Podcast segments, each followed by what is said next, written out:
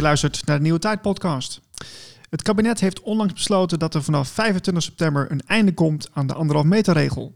Wel moet op veel meer plekken een coronatoegangsbewijs worden getoond. Bijvoorbeeld in de horeca, de bioscoop en het theater.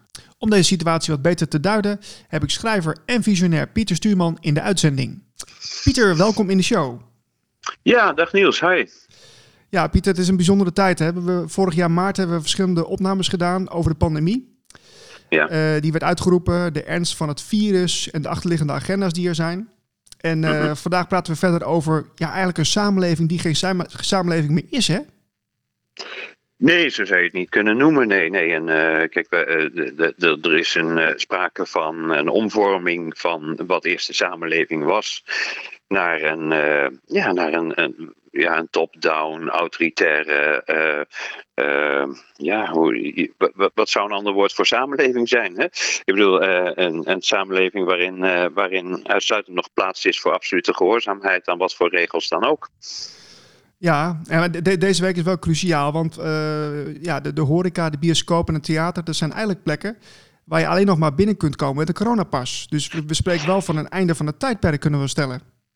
Ja, nou, kijk, je, het punt is, dit, dit wordt nog wel redelijk geaccepteerd door mensen. Dan zeggen ze, nou ja, weet je, zo belangrijk is het nog niet om naar een, uh, naar een uh, restaurant of een uh, bioscoop te gaan. Dus nou ja, weet je, ik vind het belangrijk dat ik mijn rug recht hou. Dus dat doe ik dan maar, dan ga ik maar niet. Maar het is wel een glijende schaal, Niels. Het is, hier gaat het niet bij blijven, hè. Ik bedoel, je zag dat al aan, aan Hugo de Jonge, die een dag nadat hij vorige week dinsdag, meen ik, uh, die, die verplichte pas. Uh, althans, de pas die verplicht is om naar de horeca te gaan, invoerde. Ja. en dat hij de dag daarna al, al riep van ja, ik wil toch ook gaan onderzoeken, tussen aanhalingstekens, of het uh, misschien ook bruikbaar is voor de zorg. En de dag daarna uh, zei hij dat hij daar uh, ook het onderwijs aan wilde toevoegen. dus weet je, als dit eenmaal aanvaard is dan, en in werking is, mensen zijn gewend om op verschillende plekken hun digitale toegangsbewijs te laten zien, ja, dan kunnen er al, steeds nieuwe ehm, uh, ja, voorzieningen aan toe worden gevoegd. Waarvoor je die pas ook nodig hebt. Hè. Dat is maar één kant van het verhaal. Uh, en de andere kant van het verhaal is dat er ook steeds nieuwe voorwaarden aan toegevoegd kunnen worden. Hè. Je ziet dat bijvoorbeeld nu al in Duitsland gebeuren, waar inmiddels een negatieve test al niet meer goed genoeg is.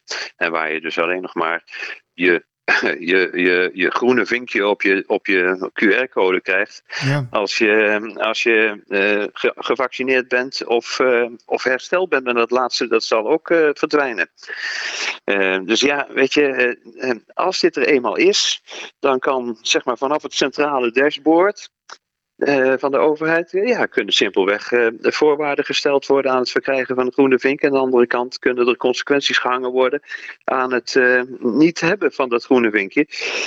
En uh, zo worden stap voor stap mensen zonder groene vink verder uitgesloten van deelname aan de samenleving. Je ziet nu bijvoorbeeld, ik las, uh, nou ja goed, ik denk dat veel mensen dat wel gezien hebben. In Italië kun je zonder geldige QR-code helemaal niet meer werken vanaf 15 oktober. Ja, ja, ja. Dus uh, dat betekent dat, je, ja, dat je dan niet meer op je werk kunt komen en ook geen loon doorbetaald krijgt. ja, dat dat je dus je inkomen gaat, gaat kosten. En ik zag in Uh, waar was het ook alweer? Ik dacht in Slovenië. Uh, kun je niet eens meer tanken met je auto. Omdat uh, als je geen, eh, geen geldige QR hebt, weet je. En zo gaat dat, gaat dat, zal dat heel snel verder gaan. Dus we begeven ons op ongelooflijk gevaarlijk ijs om dit, dit instrument in handen te geven van een overheid die uh, de afgelopen tijd uh, bewezen heeft onbetrouwbaar te zijn. Hè? Want ik bedoel, we kunnen het allemaal nog wel, uh, wel herinneren. Hè? Ik bedoel, ja, dit, dit zou er absoluut niet komen. Hè? Nog maar een tijdje geleden was dat een, een zogenaamde conspiracy-theorie. Hè? Ja, dat klopt. We, we, we, we, hebben natuurlijk anderhalf jaar lang uh, met, met, elkaar zitten kijken naar wat er allemaal, allemaal gaat gebeuren. En wat, wat, er, wat er uitgerold wordt. En ja, De, steeds elk stapje wat, wat werd gezet is... Ja, het, voor mij was het een bevestiging hoor. Maar ik, ik vond het heel eng worden op een gegeven moment. Nou, het is ook heel eng. Het is ook heel eng. Hè. het geeft de overheid een instrument in handen uh, waar we zelf geen controle meer over hebben en die ons naar believen kan uitsluiten van wat ze maar willen. ik bedoel, als dadelijk uh, het onderwijs wordt uitgesloten, werk wordt uitgesloten, ja, dan word je zodanig onder druk gezet om iets te doen waar je niet achter staat, dat er eigenlijk geen andere mogelijkheid meer is. En weet je. Veel mensen denken dat dit nog over vaccinatie gaat. Maar uh, die vaccinatiecampagne die wordt nu ingezet uh, om dit mogelijk te maken, om dit af te dwingen, om dit erdoor te drukken. Uh, waar men naartoe wil, is naar een, een, een autoritaire samenleving waarbij al het gedrag onder controle staat van de overheid. Waarbij de overheid dus een instrument in handen heeft om in principe ieder gewenst of ongewenst gedrag af te dwingen of te verbieden. Uh, op straffen van uitsluiting. en uh, er wordt nu uh, gezegd van ja, maar het is niet verplicht. Nou, sorry, maar dan is er toch een heel andere betekenis aan het woord verplicht gehangen. Want de, de, de, de standaard betekenis, de gangbare betekenis van het woord verplicht is simpelweg opgelegd gedrag dat bij weigering op een, op een straf komt te staan. En ja, Voorheen had de overheid eh, maar twee soorten straffen die ze konden uitdelen natuurlijk. Eh, eh, of een boete of insluiting. Ja. maar ze hebben een nieuwe verzonnen en dat is uitsluiting. En dat is minstens zo ingrijpend als insluiting. Want als jij niet meer kunt voorzien in een inkomen, als je kinderen niet meer naar school kunt sturen, ehm, dan en, en ja, en logischerwijs zal dat stap voor stap verder gaan. Hè? Want ja, hoe ga je nou controleren eh, eh, of mensen daadwerkelijk buiten blijven als ze geen groene uh, vink hebben op hun pas. Mhm. Ik bedoel, dat kan door de, door de, door de uitbaters van, van de horeca eigenlijk nauwelijks gedaan worden. dus het zal enorme problemen opleveren. En op een gegeven moment zullen ze zeggen van ja, ja nee, dit, dit, dit gaat eigenlijk niet. Dit wordt te, te ingewikkeld en te moeilijk. En we kunnen de horeca-ondernemers ook niet aandoen. Dus ja, een simpele en meest voor de hand liggende volgende stap is dan uh, om het aan het betaalsysteem te hangen. Je kunt simpelweg niet meer betalen ja, zonder groene vink. Dat is ook een beetje de, de volgende vraag die ik had. Van, uh, ja, dat corona-toegangsbewijs is een tijdelijke maatregel, wordt gezegd. Hè? Uh, maar, maar, hoe duidelijk, of, maar hoe tijdelijk is nog niet duidelijk. Dus demissionair premier Rutte en minister De Jonge zeiden in hun persconferentie dat het kabinet rond 1 november een besluit wil nemen over het, het lange inzetten van de toegangsbewijzen. Maar, mm. maar, maar hoe tijdelijk is de coronapas volgens jou dan? Nou ja, dat zal de tijd uit zijn. In principe is alles tijdelijk, Niels. Dus je kunt altijd roepen dat het tijdelijk is. Ik bedoel, duizend jaar is ook tijdelijk. Hè? Uh, maar we hebben natuurlijk geleerd van tijdelijke maatregelen. De afgelopen anderhalf jaar. En uh, kijk, als je iets, iets dieper kijkt en iets verder kijkt, dan snap je dat. Uh, dat het in ieder geval niet bedoeld is als tijdelijk. Het is bedoeld om de bevolking gewend te maken overal een toegangsbewijs voor te moeten laten zien. En ehm, daarvoor wordt nu die vaccinatiecampagne ingezet. Uh, hè, maar dat is niet het einddoel. En ik, ik mis dat ook een beetje in het verzet.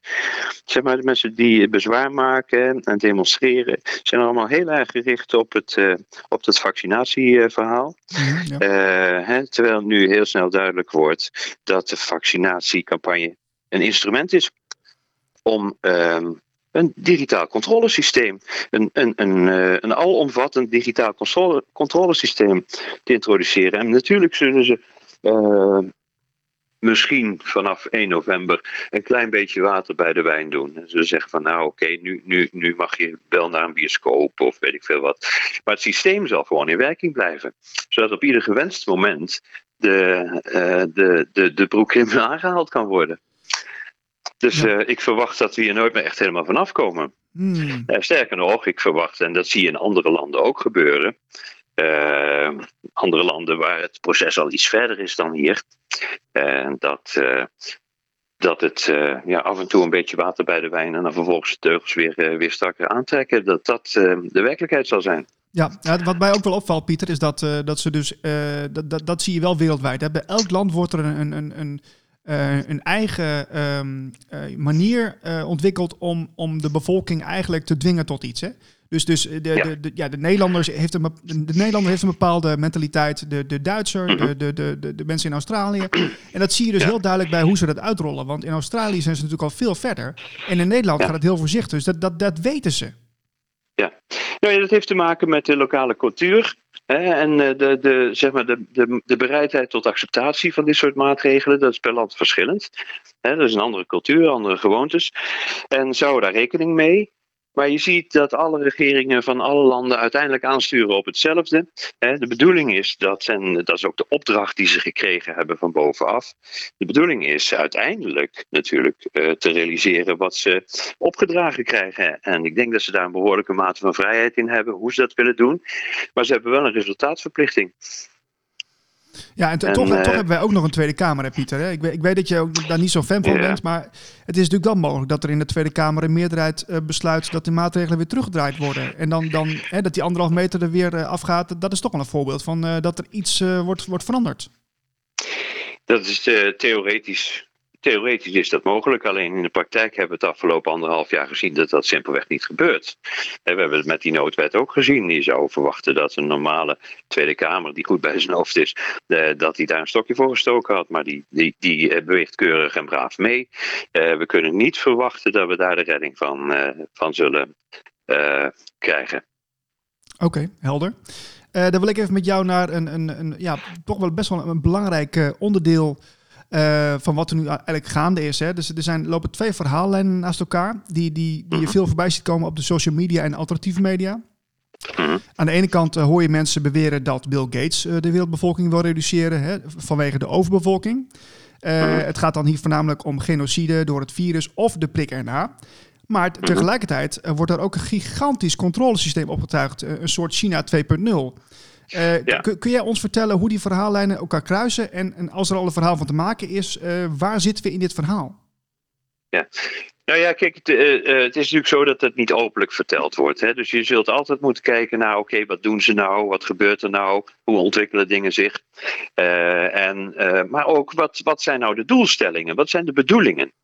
dus je ziet dat bijvoorbeeld de Verenigde Naties, de World Economic Forum, die hebben hun bedoelingen heel duidelijk opgeschreven dus je kijkt naar de, de, de SDG's, hè, de, de Sustainable Development Goals van de Verenigde Naties. En je kijkt naar uh, wat de bedoelingen zijn van de Great Reset, zoals uh, World Economic Forum dat formuleert. Ja. Uh, dan zie je dat ze, dat ze daar heel duidelijk en open over zijn. Ze zeggen nee, we willen naar een één gecoördineerde wereldregering. die een veel meer autoritaire rol gaat spelen in het aansturen van de bevolkingen. En dat, is een, dat zijn mooie termen voor dictatuur. Hè? Mm, ja. En eh, dus dat is wat ze willen. Nou, als je dan kijkt wat daarvoor nodig is, dan heb je daar simpelweg een, een controlesysteem voor nodig. Zodat je ieder individu op aarde uh, kunt volgen, controleren, sanctioneren als je dat wil. En de nieuwe sanctie is dan uitsluiting. Het is niet alleen in Nederland zo. Hè. ditzelfde patroon zie je in alle landen. Uh, en dat is natuurlijk simpelweg een noodzaak. Wil je die doelen verwezenlijken? Willen deze machtige organisaties de wereld omvormen naar hun ideaal, naar hun zin, naar een gemakkelijk uh, regeerbare wereld vanaf één punt in, uh, op, op deze aarde, uh, ja, dan zul je dat moeten implementeren. En ja, dat is nog niet zo heel eenvoudig, hè? want als je tegen alle mensen zegt op een bepaald moment out of the blue, zeg maar, ehm, weet je, jongens, lever al je vrijheden maar in, jullie moeten voortaan precies doen wat wij zeggen. En doe je dat niet, dan ja, word je een paria, dan word je een, een wandeling in eigen land. Hè? Want dat is waar het naartoe gaat. Dan zullen mensen dat niet accepteren. Dus je moet daar een aantal stappen voor doorlopen. Je moet eerst een overmachtssituatie uh, fingeren, zodat mensen geloven: wauw, eh, we hebben een bijzondere situatie, dus dat, uh, ja, dan, dan moeten we ook bijzondere maatregelen aanvaarden. Nou ja, dat was natuurlijk dit pandemieverhaal. Uh, en ja, als je dan zo'n controlesysteem wil, wil invoeren, dan moet je zorgen dat er ook weerstand is want als er geen weerstand zou zijn onder de bevolking, als iedereen zou zeggen: nee, maar het is volkomen logisch, uh, beste regering, we gaan helemaal met jullie mee. En uh, nou, wij rollen de mouw wel op en zet die prik maar, want ja, we hebben het echt werkelijk te maken met een levensgevaarlijke ziekte. Dan zouden mensen dat doen. En dan zou er geen weerstand zijn en dan zou het ook geen reden zijn om het digitaal te gaan controleren. Of mensen zich wel aan regels houden, want dan hielden ze zich vanzelf aan. Ah ja, dus, dus de weerstand is eigenlijk noodzakelijk om dan te kunnen zeggen van ja, maar zie je, er zijn mensen die zich niet aan houden, dan moeten we dat maar controleren. Exact dat, exact dat. Hè? Maar dit is het klassieke verdeel en heers uh, systeem. Hè? Het, het verdelen en heersprincipe. En je speelt twee groepen tegen elkaar uit en je loopt met de buit weg. Dat is eigenlijk het idee van verdelen en heers. En vroeger konden ze dat in oorlogen doen door bijvoorbeeld de ene land tegen het andere te laten vechten of de ene religie tegen de andere. Maar in dit geval hebben we te maken met een, een oorlog tegen de hele mensheid. En het is een oorlog, omdat een oorlog altijd de bedoeling heeft een groep mensen, een volk, eh, te onderwerpen. En in dit geval uh, gaat het dus om alle mensen op de wereld. En omdat de, de, de, de machthebbers nooit zelf dat kunnen, daar zijn ze ook met te weinig voor, hebben ze dus, uh, moeten ze, moeten ze de strijdende partijen, zeg maar, moeten ze recruteren onder de bevolking. Ja, ja. ja en zo laat je uh, mensen tegen zichzelf, de mensheid tegen zichzelf vechten. Uh, met de bedoeling beide groepen te onderwerpen. En vandaar dat die verdeeldheid nodig is. En om dan weer even terug te komen op Bill Gates' uh, verhaal. ja, weet je, het moet, je moet natuurlijk wel een behoorlijke weerstand hebben die, die werkelijk verontwaardigd is en die zich ook laat horen. En daarvoor moet je die weerstand wel voeden die weerstand die moet gestimuleerd worden. En dat kun je bijvoorbeeld doen door ze ehm, te laten denken dat, er werkelijk, uh, dat ze werkelijk uit zijn op, op genocide. En een Bill Gates eh, is dan een figuur die zich daar wel goed voor leent. Ah, ja, ja. Dus Over, ik, wil niet, ik wil niet beweren dat dat niet de bedoeling is hoor, even voor de duidelijkheid. Oké, maar, maar je, kijk, er zijn, er zijn natuurlijk verschillende strategische doelen in een oorlog. Hè? Je hebt, in iedere oorlog heb je verschillende fronten, verschillende uh, uh, aanvalsstrategieën die naast elkaar en door elkaar lopen. En dat is hier waarschijnlijk dus ook het geval. Maar nu is het zo dat de pandemie in combinatie met de vaccinatiecampagne wordt ingezet om het vereiste uh, digitale controlesysteem te kunnen implementeren. Dit is absoluut een vereist. Dat niet lukt, dan kun je simpelweg nooit een technodictatuur optuigen. Dit is, een, dit is simpelweg een vereiste. Dit, dit is nodig. Ja, noodzakelijk. Als, als, ik Bill Gates dan zo eventjes onder de loep neem, want ik, ik volg hem ook wel een beetje op afstand, dan, dan is het, mhm. hij wordt natuurlijk gepresenteerd als een weldoener. Hè? Hij heeft het goed met ons, uh, met ons voor. Maar uh, is, is, is, zou jij dan hem meer zien als een soort afleidingsmanoeuvre? Uh, nou, in, in dit geval komt het wel heel erg handig uit. Hè? In dit geval komt het wel heel erg handig uit dat er behoorlijke weerstand is. Hè? Dat er demonstraties zijn, dat er organisaties zijn die uh, zich verzetten. Uh, want ja, je hebt die simpelweg gewoon nodig om die digitale controle systematiek op te zetten. dus daarvoor wordt dit nu gebruikt. Het, is, het wordt strategisch ingezet om een noodzakelijk systeem te implementeren. Ja. En uh, ja, je, eh, het kan natuurlijk zijn dat als het systeem straks geïmplementeerd is. En uh, ja, je hebt uh, ja, in praktische zin eigenlijk geen mogelijkheid meer om ongehoorzaam te zijn. Om te zeggen van nou, ik, ik, ik uh, weiger bepaalde maatregelen, omdat het je op totale uitsluiting en dus eigenlijk versterving komt te staan. Hè. Als, je, als, je, als je geen inkomen meer kunt, uh, kunt genereren, ja, dan kun je ook huur en hypotheek of je hypotheek niet betalen. Uh, en geen boodschappen doen. En ja, dan wordt die uitsluiting eigenlijk een soort van, uh, van ja, nee, ik moet anders zeggen, als je dan ongehoorzaam bent, roep je eigenlijk een soort doodvonnis over jezelf uit. Ja, nee, precies. Maar ik, ik, ik, wil nog en, dan, dan, en, dan heb je, ja? en dan heb je geen mogelijkheid meer om ongehoorzaam te zijn. Maar eh, dan zou het kunnen zijn dat als het eenmaal geïmplementeerd is, dat inderdaad ook met het grootste gemak een, uh, een uh, vaccinatieverplichting kan worden ingevoerd waar je niet meer onderuit kunt. En ja, goed, als er dus uh, dan geen protest meer mogelijk is of geen, geen ongehoorzaamheid meer mogelijk is, dan, ja, dan zou men in principe met ons lichaam, met onze uh, chemische en genetische privacy gedaan kunnen worden wat ze maar willen. En dat lijkt me ook geen goed idee. Nee. Ja, ik, ik, ik was even getriggerd door wat je net zei over die weerstand. Hè? Dat ze die weerstand nodig hebben om, om het volk tegen elkaar uit te spelen. Uh, ja. Want die, die, die, dat, dan heb je, grofweg gezien heb je het dan over twee groepen. De mensen die voor en tegen zijn. Hè? Om even, even, ja. even het gemakkelijk te houden. Maar dan bedenk ik mij nu eigenlijk, die groepen die waren er eigenlijk al, hè, voordat, voordat die pandemie er was. Alleen nu worden ze eigenlijk versterkt.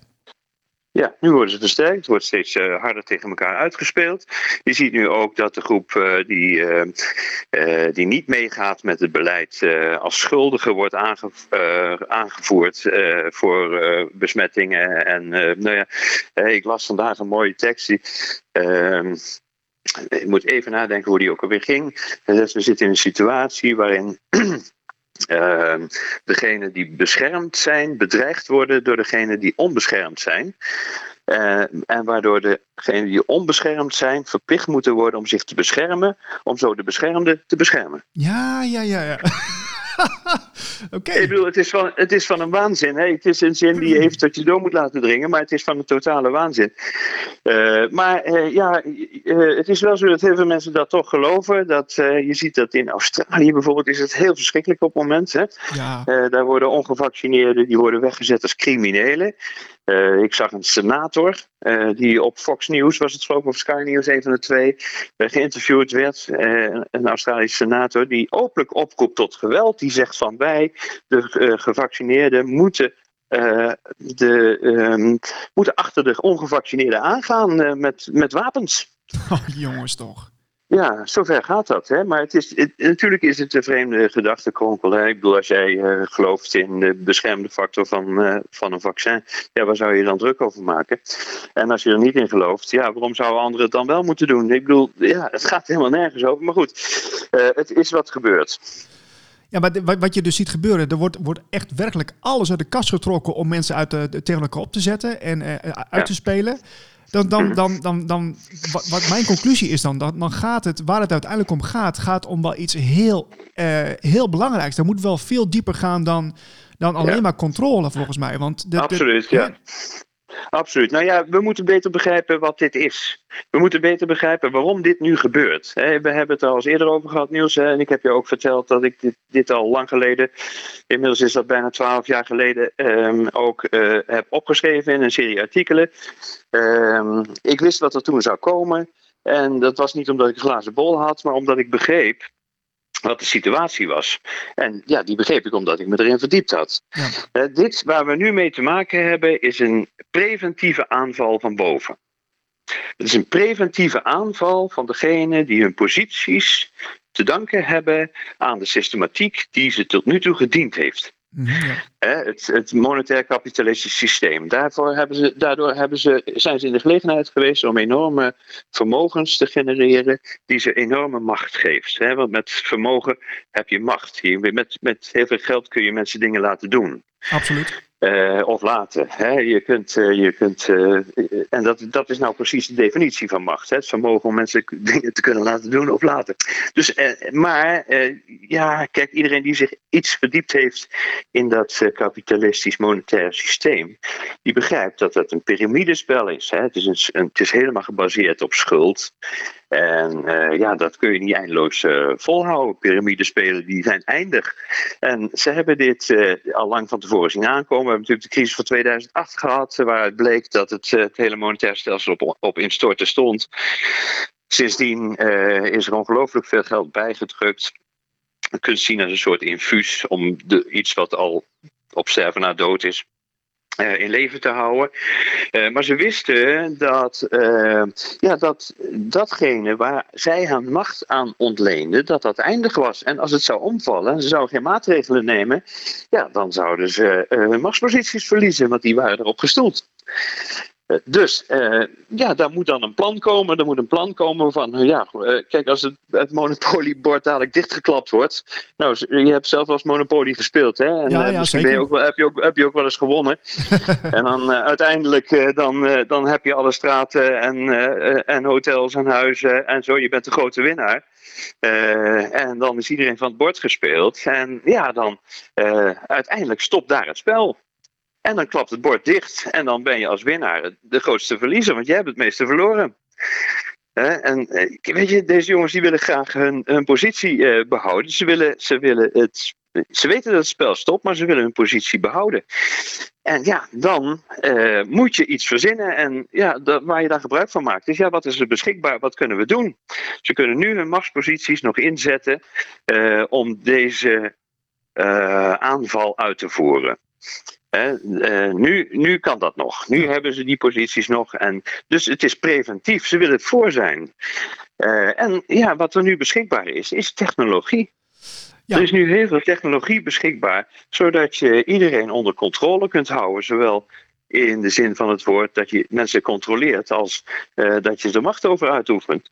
En uh, ja, zo proberen ze hun, hun posities uh, te bestendigen.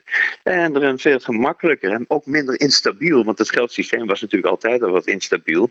je hebt altijd economische crisissituaties en dat soort zaken.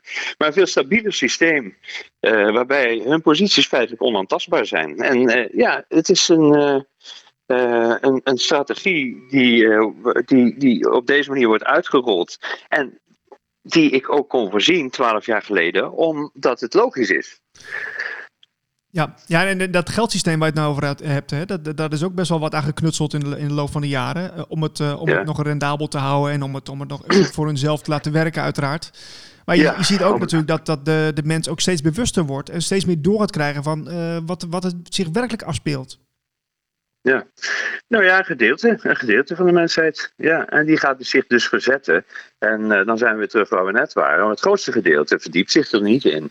En uh, ja, uh, vindt het gemakkelijker om gewoon over te nemen wat er op de televisie verteld wordt bij het 8 uur journaal. Zo is het. Ik wil even naar de psychologie van de mens. daar weet je ook ja. wel zeker wel wat van. En ik, ik ben mhm. heel benieuwd of jij dit voor mij kan duiden. En daarvoor heb ik even een fragmentje erbij gepakt. Ja. is een fragment, eh, een heel beladen fragment van Gideon van Meijeren van de FVD in de Tweede Kamer. Ja. En uh, hij schetst daar een beeld van uh, ja, een soort vergelijking hè, met, met, uh, met de jaren 30. En ja. daar gaan we even naar luisteren. Oké. Okay. De heer Van Meijeren. Nou, het doet mij oprecht pijn, oprecht, dat ik moet constateren dat de regering zich op dit moment opstelt als vijand van de bevolking. Voor het eerst sinds de Tweede Wereldoorlog hebben we weer een regering die wetten voorbereidt op grond waarvan een staat van apartheid wordt gecreëerd, waarin mensen worden buitengesloten van het sociaal-maatschappelijk leven. En het is noodzakelijk om niet te zwichten voor tirannen. En wij zullen niet zwichten voor tirannen. En dan, als er regelgeving tot stand komt op grond waarvan complete bevolkingsgroepen worden gediscrimineerd, dan roep ik daartoe op om daar niet aan te gehoorzamen, want dan is gehoorzaamheid een grotere misdaad dan ongehoorzaamheid. De verschrikkingen die in de Tweede Wereldoorlog de Joden zijn aangedaan, die zijn gepleegd door mensen die gehoorzaam waren, niet door mensen die ongehoorzaam waren. Dank u wel. Meneer Van Meijeren, ik wil zelf als voorzitter ook wat zeggen. U gebruikt grote woorden, u maakt weer een vergelijking met de Tweede Wereldoorlog. En ik hecht er waarde aan om te zeggen dat ik dat echt ongepast vind. En ik denk ook dat een aantal collega's daar iets over willen zeggen. Allereerst mevrouw Palland van CDA. Ja, nogmaals, je weet soms niet waar je moet beginnen om elkaar hier nog aan te spreken. Maar dit is volstrekt ontoelaatbaar wat u hier allemaal te berden brengt. Wij nemen daar denk ik als volledige Kamer volstrekt afstand van. En u heeft geen idee wat een dictatuur of een tirannie is. Ja, dat was de, de Tweede Kamer. Die waren heel duidelijk in een statement van... Uh, u heeft geen idee waar uh, waar u die vergelijking mee, mee uh, maakt en wat, wat, een dictatuur is, er wordt gezegd. Um, ja. ja. in het verleden zijn er natuurlijk genoeg voorbeelden te noemen van apartheid. Hè, het uitsluiten van groeperingen. Zuid-Afrika is ja. daar voorbeeld van. De VS in Nederland komt veel vaker voor dan je denkt. Ja. Waarom is het zo beladen om die vergelijking te maken met de jaren 30? Wat, wat, hoe zie jij dat? Ja, nou ja, het, het belangrijkste denk ik dat is dat men liever niet heeft dat men de gelijkenis ziet dat, eh, dat mensen de gelijkenis uh, zien, maar er zijn wel duidelijk uh, overeenkomsten. Er zijn natuurlijk verschillen ook, Niels. Hè? Er zijn zeker verschillen. Hè? Ik bedoel, apartheid, ja, weet je, dat je zwart was, daar kon je niks aan doen. Maar nu gaat het over andere criteria. Of in de Tweede Wereldoorlog, als je Jood was, ja, daar kon je niks aan doen. Nu gaat het over andere criteria. Nu gaat het over een principiële keuze die mensen maken. Hè? Dus, maar ook, ook dat staat keurig netjes in onze, in onze grondwet, artikel 1. Mensen mogen niet op huidskleur of ras, maar ook niet op uh, op uh, levensovertuiging uh, gediscrimineerd worden. En nou ja, dat artikel is nu dus in de kliko gegaan. Ehm, maar ja, weet je, ze willen natuurlijk liever niet dat we die overeenkomsten zien. Ze willen liever ons niet dat we daardoor gealarmeerd uh, raken. Dat snap je wel. Maar ja, ehm, en bovendien wordt deze situatie zoals die nu nog is uh, vergeleken met de situatie aan het eind van de Tweede Wereldoorlog, in de tweede helft van de Tweede Wereldoorlog, toen mensen inderdaad naar kampen werden vervoerd, hoewel dat uh, niet eens zo'n hele rare vergelijking is nu als je ziet wat er in Australië gebeurt. Daar worden mensen verplicht uh, opgesloten uh, in quarantainekampen. ja, wie daar de overeenkomst niet tussen ziet, die, doet echt zijn ogen niet, niet open. maar ja, ook in, in, in, in Nazi-Duitsland begon het daar niet mee. het begon met de eerste tekenen en heel veel Duitsers, maar ook Joodse overlevenden hebben achteraf gezegd van ja, jemig, dat we die signalen niet hebben opgemerkt in het begin. Ja, ja, ja. we kunnen onszelf maar voor de kop slaan. Dat we dat niet hebben gemerkt, dat we het hebben laten welgevallen. En gedacht hadden van nou, het zal wel goed aflopen. we hadden veel eerder moeten, uh, moeten opstaan en veel eerder moeten anticiperen op wat er hier gebeurt. En ja, nu zitten we weer in een, in een vergelijkbare situatie. En natuurlijk wordt er heel verontwaardigd gedaan door degene die, die dit beleid aandrijven. Want ze willen natuurlijk liever niet daarmee vergeleken worden, dat snap ik ook wel. Uh, maar ja, ik denk toch wel dat het op zijn, uh, op zijn plaats is. Ja, en, maar is het ook niet zo dat, dat sommige mensen, uh, deze mevrouw die zich nu uitspreekt, dat, dat die het niet, niet echt, gewoon echt niet ziet? Dat kan toch ook? Weet je, misschien ken je de uitspraak, het is heel moeilijk om iemand een waarheid te laten inzien als het niet inzien van die waarheid een voorwaarde is voor het behoud van positie en inkomen. Hmm, ja. Uh, de, de, het, dat is, ik ben even kwijt wie het ook alweer zei. Uh, een, een, filosoof heeft dat dus ooit gezegd, maar het is een, een keiharde waarheid. Uh, voor mensen die ehm, willen blijven werken in het politieke bedrijf, is het een absolute voorwaarde dat ze het niet zien. En er zijn ook wel politici geweest die, eh, die het wel zagen. Of in ieder geval die, die vertrokken zijn. Er zijn laatst weer een paar staatssecretarissen vertrokken. We hebben natuurlijk Bruins gehad aan het begin van de periode. Die een keurig uh, toneelstukje opvoerde dat hij onwel werd. Uh, het zou zomaar kunnen dat, dat deze mensen zeggen: Ja, dit wordt mij te gek, ik kan, ik kan dit niet. Maar je kunt, je kunt jezelf niet handhaven binnen het politieke bedrijf. Uh, als jij hier bezwaar tegen maakt. Ja, maar je moet ook wel een bepaald kaliber mens zijn om dat vol te kunnen houden, volgens mij hoor. Ja, en je krijgt ook een soort natuurlijke selectie. Hè? Degene die het niet meer konden verenigen met hun geweten, die verdwijnen. Uh, en dat betekent dat degenen die ja, hun beroepsethiek ondergeschikt maken aan hun eigen belang, uh, overblijven. Hè? Je hebt een bepaald menstype dat dan overblijft. Ja, ik, ik, ik heb toch een, een vermoeden en ik wil het er even met je bespreken. Um, ja. want, want we lopen natuurlijk nu tegen een uh, einde van, van het tijdperk aan. En ik, ik heb nog steeds, uh, misschien tegen beter weten in, hoop ik dat er nog bekende Nederlanders zijn. Uh, en die, die zullen dan opstaan en, en zich uitspreken. Uh, uh, ja, dat zal dan deze week nog moeten. Maar kijk, in mijn ideale wereld zou dat niet nodig moeten zijn. Maar, maar helaas zitten we niet in mijn ideale wereld. Nee, dus, dus, mijn ook niet, nee. Niels. Maar goed, weet je, dan, dan hoop ik dat die mensen ze, toch ja, hun verantwoordelijkheid nemen. Om, ja, ik weet dat heel veel mensen daar gevoelig voor zijn. Ik niet. Maar heel veel mensen die denken van... Oh, als die een bekende Nederlander, het zegt... Dan, dan is het goed. Dan, dan, dan, dan, geloof ik het. En dan is het, dan is er een soort van geloofwaardigheid. En dan, dan oké. Okay. Ja. Maar ja. uh, zie, zie, jij nog ergens een kentering of denk je van nou ja, dit is gelopen koers?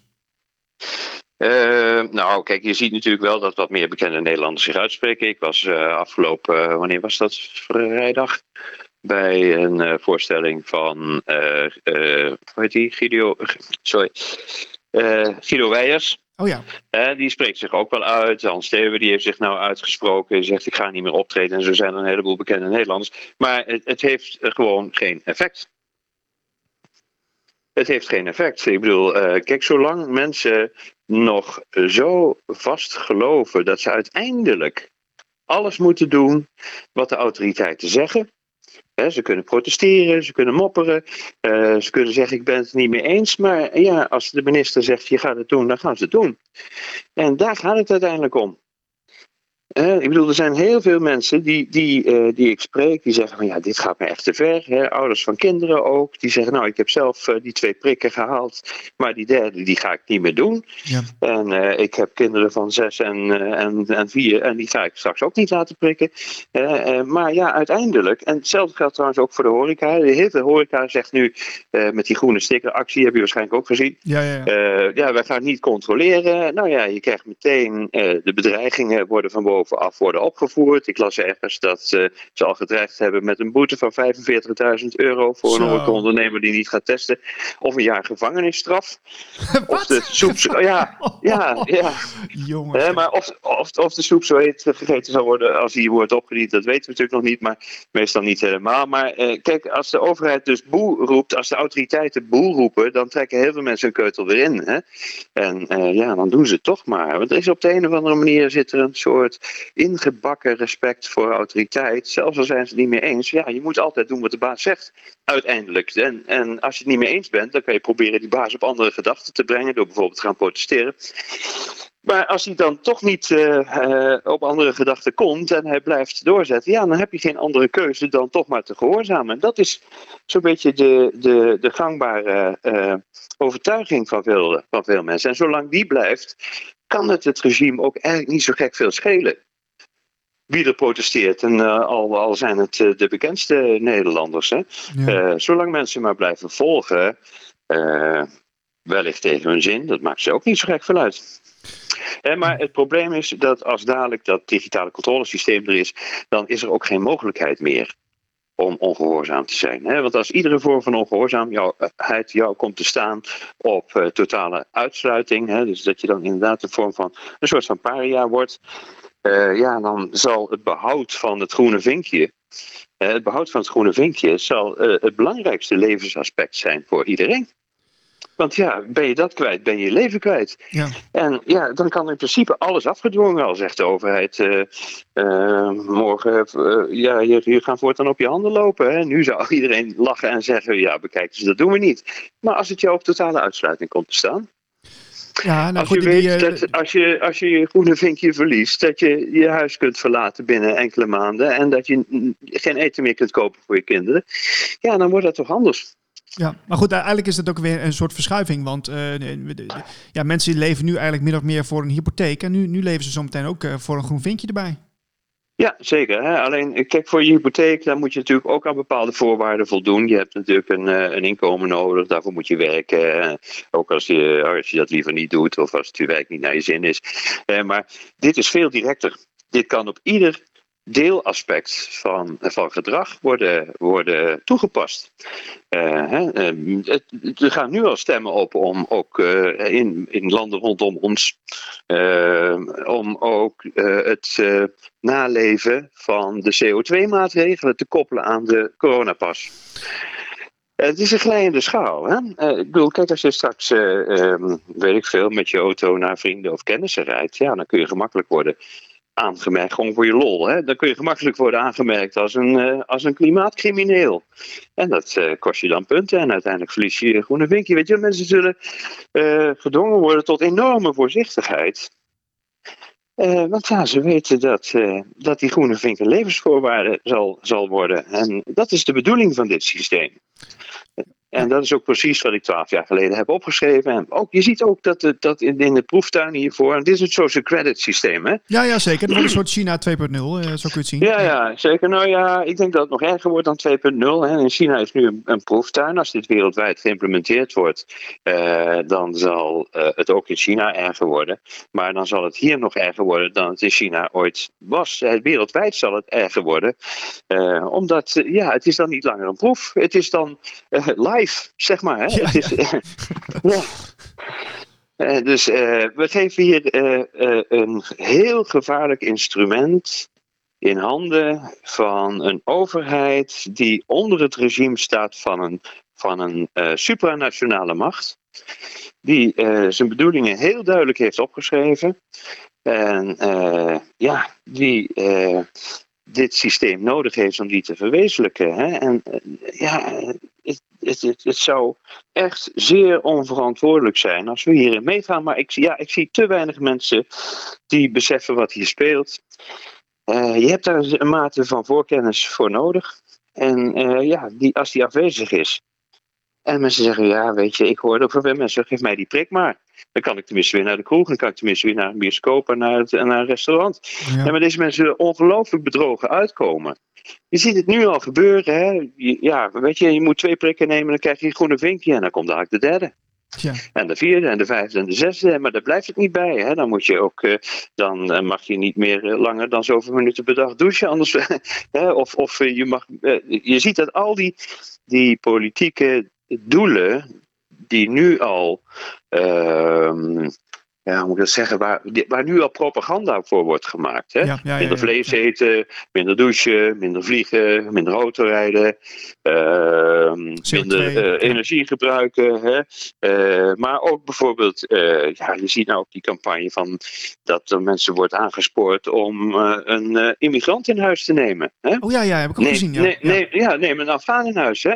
Dan zeggen mensen, ja, daar heb ik geen zin in. Maar ja, weet je, je kunt straks niet meer doen. Niet meer laten waar je geen zin in hebt. Want als eh, het systeem zegt, je neemt een immigrant in huis, anders verlies je, verlies je je groene vinkje. Wat dan? Ja, dit is wel, wel heel absurd eh, dit. Maar goed, het, het, het zou natuurlijk... ja, weet je, ik, ik sluit het niet is uit. echt maar- niet. eh, on- nee, het is. eh, nou, nee, maar dit, dit, dit is zeker niet eh, eh, speculatief. Natuurlijk heeft de toekomst altijd een. eh, Als je, als je het over toekomst hebt, dan zit er altijd een mate van speculatie in. Maar het is wel een onderbouwde speculatie. Je kunt zien wat de bedoeling is. Je kunt zien welke strategie er gebruikt wordt. En ja, tussen die strategie en het einddoel, daar zit een bepaald pad. Wat je dan wel kunt, eh, eh, ongeveer kunt zien. Dat- nee, dat, is zeker waar. Ik, ik wil even afsluiten, want ik heb nog één vraag.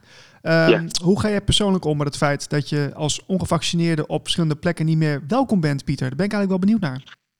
Eh, nou ja, ten eerste is het natuurlijk afschuwelijk dat het gebeurt.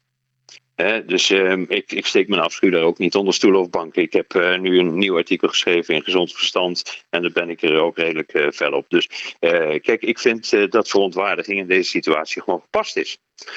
Een mate van verontwaardiging hoort hierbij. Het is een vreselijke situatie en eh, eh, de plannen eh, zijn eh, mensen onwaardig. En daar vind ik, daar behoor je je zorgen over te maken. Als je dat niet zou doen, zou er werkelijk iets, iets mis met je zijn. Dus ik maak me daar zorgen over. Aan de andere kant, ja, weet je, ehm, ik denk dat, eh, ehm, ja, nou, hoe moet ik het zeggen? Ik heb, laat voor, mezelf spreken, ik heb zelf een morele grens. Ik wil niet collaboreren aan deze misdaad. Hè. Dit is een misdaad. Hè, omdat, eh, ja goed, een misdadiger is iemand die het op je vrijheden en je, en je verworvenheden heeft voorzien. En eh, nou, dat is heel duidelijk in dit geval zo. Eh, ik ga daar niet aan collaboreren. Eh, dus dat betekent dat ik niet meega hierin. En dat zal op consequenties komen te staan. Ja, absoluut. Hè, maar ik zal een keuze moeten maken tussen aan de ene kant mijn eh, morele grenzen. En aan de andere kant het hoofd buigen en dan toch maar meedoen. En daar mezelf mee medeplichtig maken aan deze misdaad. En ik denk dat iedereen voor die principiële keuze komt te staan, Niels. Eh, sommige mensen zijn, gaan er gemakkelijk mee om en zeggen van nou ja, weet je, ik doe wat me gezegd wordt. eh, zolang ik maar eh, de dingen mag blijven doen die ik, eh, die ik wil doen. Eh, en anderen zijn wat dat betreft, ze hebben een andere, andere set morele waarden. Pieter, ik wil je danken voor je tijd. Heel graag gedaan.